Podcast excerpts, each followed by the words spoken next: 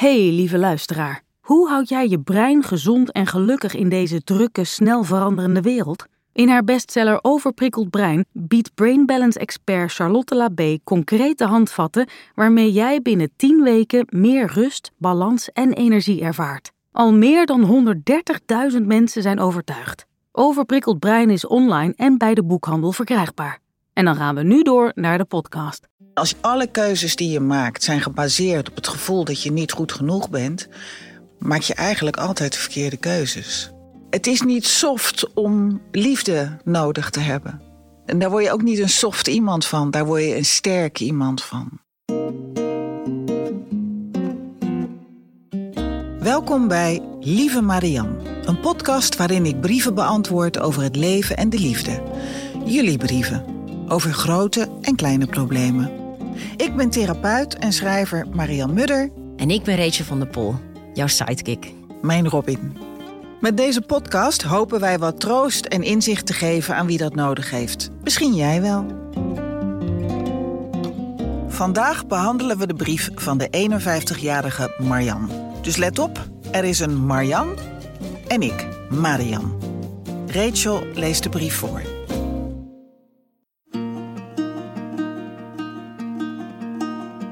Lieve Marianne, ik ben wanhopig en het voelt alsof ik op het punt sta om te verdrinken.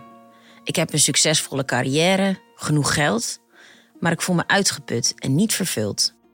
Ik ben geboren als derde meisje in een gezin van vier levende kinderen. De oudste is voor de geboorte van de andere kinderen overleden. Mijn ouders waren hardwerkende arbeiders. Mijn vader was van niet lullen, maar poetsen. Schunnige grappen, passief-agressief, negatief en kritisch. En vooral druk met de buitenwereld. Mijn moeder was ook hardwerkend in haar eigen winkel en super intelligent. Maar vooral bezig om mijn vader te pleasen en zijn woede niet op haar hals te halen. Ik denk niet dat ik ooit iets liefs van mijn ouders heb gehoord. Mijn zussen konden zich beter aanpassen dan ik. Ik was een vreemde eend in de bijt. Altijd buiten, aan het zwerven, contacten aan het maken met andere mensen, grenzen onderzoeken. Alles veranderde vanaf het moment dat ik naar school ging. Opeens was het belangrijk om erbij te horen, leuk gevonden te worden, mee te doen. En dat lukte mij niet, want ik voelde me altijd de mindere. Degene die iets of iemand moest zijn om erbij te kunnen horen. Vooral niet mezelf zijn. Dat minderwaardigheidsgevoel is vanaf toen de rode draad in mijn leven geweest. In alles wat ik doe. Mijn werk, mijn vele relaties, mijn kinderen en ook mijn gezondheid begint me in de steek te laten. Ik heb gebroken met de moeder van mijn kinderen omdat ik dacht dat het gras bij de buren groener was. Inmiddels ben ik weer twee relaties verder en ook mijn huidige relatie staat op het punt te knappen. Ik eis zoveel van mijn partners omdat ik me constant te minderen voel. Daardoor wil ik elke seconde van de dag vastleggen en bevestigd worden. En niemand kan dat opbrengen. Ik ga elke dag worstelend door het leven en ben steeds drukker met het ophouden van de schone schijn. Lieve Marianne, toverstokjes bestaan niet, maar toch zou ik wensen dat je er eentje voor me had. Hoe leer ik houden van wie ik ben, zodat ik ook een ander de kans kan geven om van mij te houden? Ik hoop dat je een antwoord voor me hebt. Lieve groeten, Marianne. Ja, uh, het, klinkt, uh, het klinkt alsof het een enorme opeenstapeling is van problemen. Maar er is eigenlijk maar één probleem en dat is dat ze niet van zichzelf houdt. En niet van jezelf houden is uiteindelijk een traumarespons. Dus er zit trauma onder. Daar zal ik straks meer over vertellen. Um, ik, ik noem dit het niet goed genoeg syndroom. Iemand die bij alles wat ze doet denkt dat ze niet goed genoeg is. En dat heeft verregaande consequenties voor alle keuzes die je maakt in je leven. Het heeft consequenties voor de keuze van je werk, van je, van je partners, of je wel of geen kinderen neemt. Het zit overal onder. En als jij alle keuzes die je maakt zijn gebaseerd op het gevoel dat je niet goed genoeg bent, maak je eigenlijk altijd de verkeerde keuzes. Want die keuzes zijn allemaal uh, bedoeld om ervoor te zorgen dat je je beter gaat voelen. Maar ja, dat lukt niet, want het zit in jezelf. Ja, want ze, ze zegt eigenlijk gelijk um, aan het begin van de brief, zegt ze... Hey, ik heb een succesvolle carrière, ik heb genoeg geld. Dat zie je toch wel vaak ook van dat dat inderdaad geen voorwaarde is. Nee, voor precies. Ik, geluk. ik, ik, ik begrijp heel goed hoe dat, hoe dat eh, mechanisme in zijn werk gaat. Want eh, die weg heb ik zelf, ben ik zelf ook ingegaan. Dat je denkt dat je niet goed genoeg bent. En dat je vaak onbewust denkt van als ik nou eenmaal succes heb. En ik heb een relatie en ik heb kinderen. Dan klopt het plaatje en dan krijg ik wel een goed gevoel over mezelf. Maar dat is niet zo. Dat, het is een innerlijk proces om je goed genoeg te voelen. En hoe meer, je, hoe meer je bouwt in de buitenwereld aan maatschappelijke status en al die dingen. Dat wordt uiteindelijk eigenlijk alleen maar een grotere belasting. Omdat het allemaal stress is.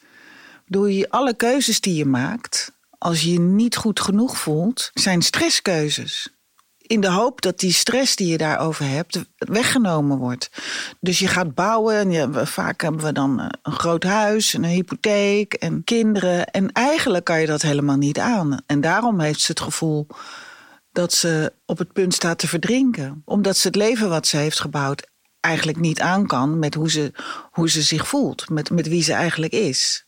Dus alle keuzes die je maakt zijn eigenlijk heel vaak niet allemaal per se, maar heel veel van die keuzes zijn niet in lijn met wie je werkelijk bent.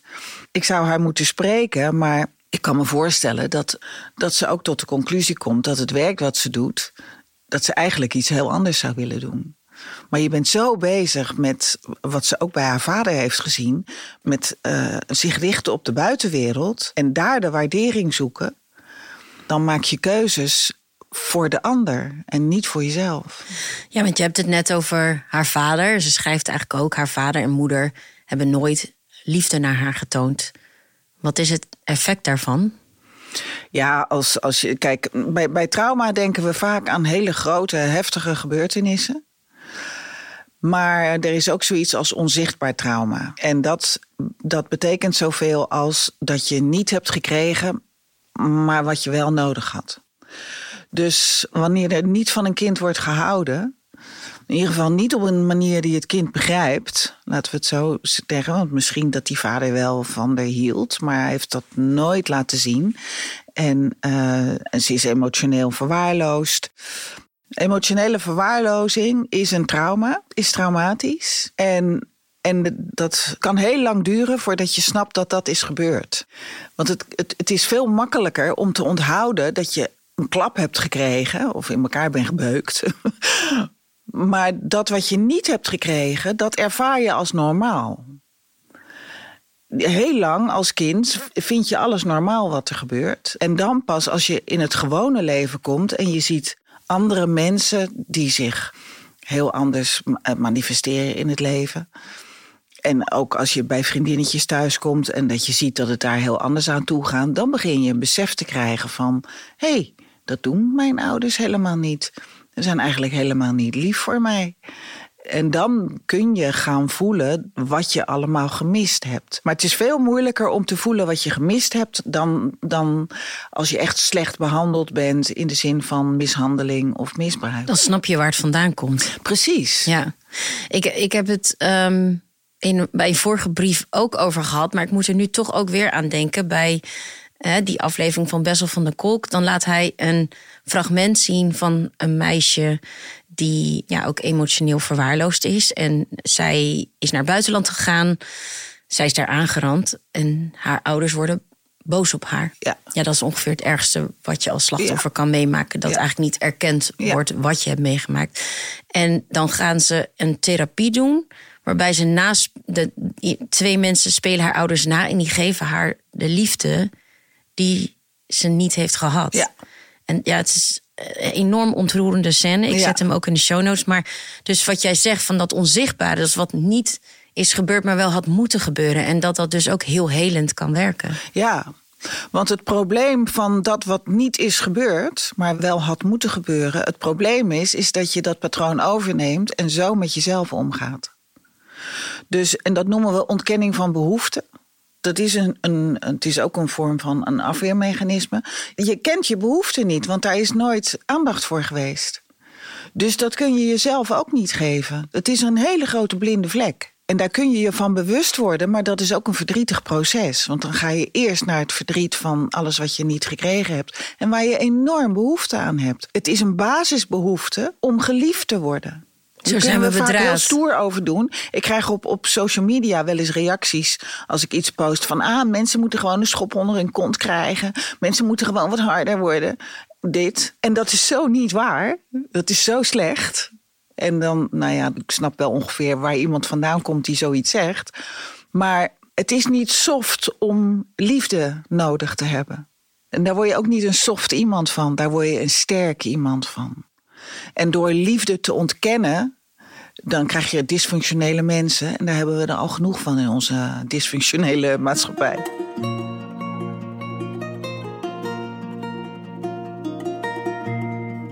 Wat jij zegt doet me ook zo denken aan dat onderzoek van Frans de Waal. Dat is een bekende bioloog. Doet veel onderzoek ook naar het gedrag van apen. En hij trekt vaak ook een lijn naar mensen. Hij laat ons eigenlijk herinneren dat wij dieren zijn. Ja. En wat eruit komt is eigenlijk, ja, wij zijn sociaal bedraad. Wij, wij zijn bedraad om sociaal te zijn, om goed voor de ander te zijn. Ja. Dat dat ook onze soort voorthelpt. En dus wat jij ook zegt van dat stoere gedrag van het, het afwijzende gedrag van wat eigenlijk ons meest basale behoefte is. is eigenlijk ook een afwijzing van jezelf. Het is verschrikkelijk. Het is echt heel erg. Het is echt een heel groot maatschappelijk probleem. Ik bedoel, als je, als je geen liefde hebt gekend als kind, dat heeft zulke vergaande consequenties voor je eigen leven, maar dan dus ook voor het leven van mensen om je heen. En ga zo maar door. Ik bedoel, dat, dit kun je heel breed maatschappelijk trekken. En Gabor Maté, dat is een Amerikaanse arts die heel veel onderzoek heeft gedaan naar trauma, ook omdat hij zelf heel erg getraumatiseerd was. Die schrijft daar fantastische boeken over. Zetten we ook even in de show notes trouwens. Ja, zetten we in de show notes over trauma en heling in een toxische maatschappij. Want dat dissociëren en dat ontkennen van behoeften en, en voor het succes gaan, dat is wel een beetje de norm van onze maatschappij. Dus dat, dat zit er ook bij. Wij worden opgeleid en vaak ook opgevoed En zelfs geprezen. Precies, om enorm te presteren. En al het andere, wat, wat we dan scharen onder welzijn, dat moeten we maar zelf uitzoeken. Maar dat is waar mensen volledig op vastlopen. En daarom hebben we nu ook een hele grote mentale crisis. Dat kun je terugvoeren op dit soort situaties. Kinderen die niet gekoesterd zijn, die, die te eten hebben gehad en, en in leven zijn gehouden en that's it. Marian eh, heeft het ook over dat ook haar lichaam haar in de steek begint te laten. Dat viel Ja. mij ook op. Ja, ja dat, want dat, dat is namelijk het erge ervan. Uiteindelijk zorgt dit voor heel veel stress. Als je het gevoel hebt dat je, dat je er niet toe doet in het leven. Dat je niet mag bestaan. Want zover gaat dit. Dan, dan wordt de wereld een ongelooflijk onveilige plek. Want uiteindelijk wil je erbij horen, maar je denkt dat je er niet bij mag horen. En dat geeft enorm veel stress, die allemaal onderdrukt wordt. Dat gaat allemaal in dat lijf zitten. En dat gaat schade aanrichten. Stress is een killer. En ehm, dan kun je dus fysieke klachten krijgen. Er kunnen allerlei, allerlei problemen uit voortkomen. Als we het dan dus eh, samenvatten, is er bij Marian gewoon sprake van onzichtbaar trauma. Daar hebben we het net uitgebreid over gehad. Heb je ook nog tips van, want zij, ja, zij zegt ik verdrink echt. Van waar moet zij beginnen? Ja, dat, dat begint met een, met een bewustwordingsproces van gaan voelen wat ze gemist heeft. En dat is altijd een beetje listig als ik dit zeg. Daar ben ik me altijd van bewust. Omdat ik zelf heel lang eh, heb gehuild om hoe het vroeger was gegaan, zeg maar. En dat ik ook wist dat het anders had moeten zijn. En dat heeft dus geen zin. Ik zeg altijd huilen helpt niet. Huilen helpt wel, alleen je moet weten waarom je huilt. En dit vind ik het belangrijkste van EFT. Wat je daarin leert is niet een verhaal maken van je leven, terugkijken met wie je nu bent en daarom gaan huilen, heeft geen enkele zin. Wat je moet doen is teruggaan. Ons, ons hoofd, ons brein kan tijdreizen.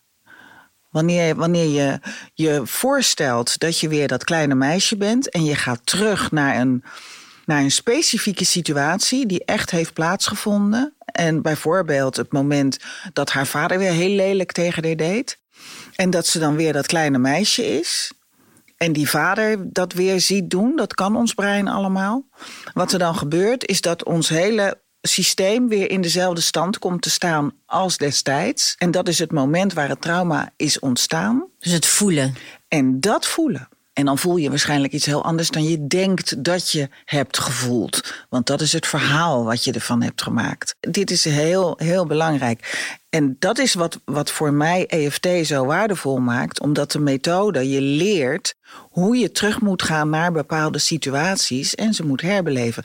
Met EMDR daar hebben we het al eerder over gehad, met EMDR kan dat ook. Dat, dat is traumaverwerking. Je zal terug moeten naar het traumatische moment en dat op de juiste manier moeten doen, dan los je iets op.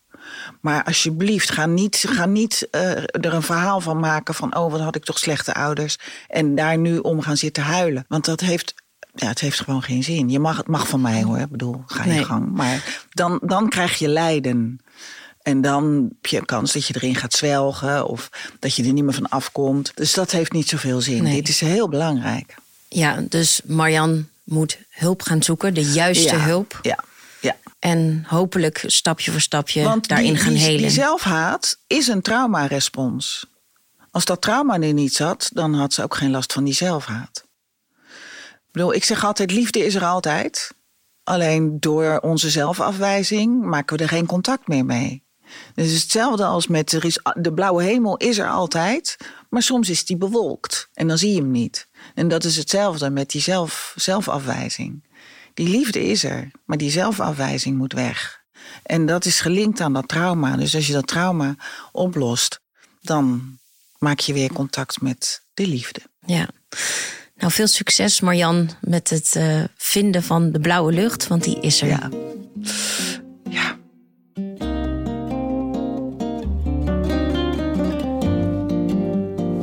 Je luisterde naar Lieve Marian, een podcast van VBK Audiolab en Ambo Antos.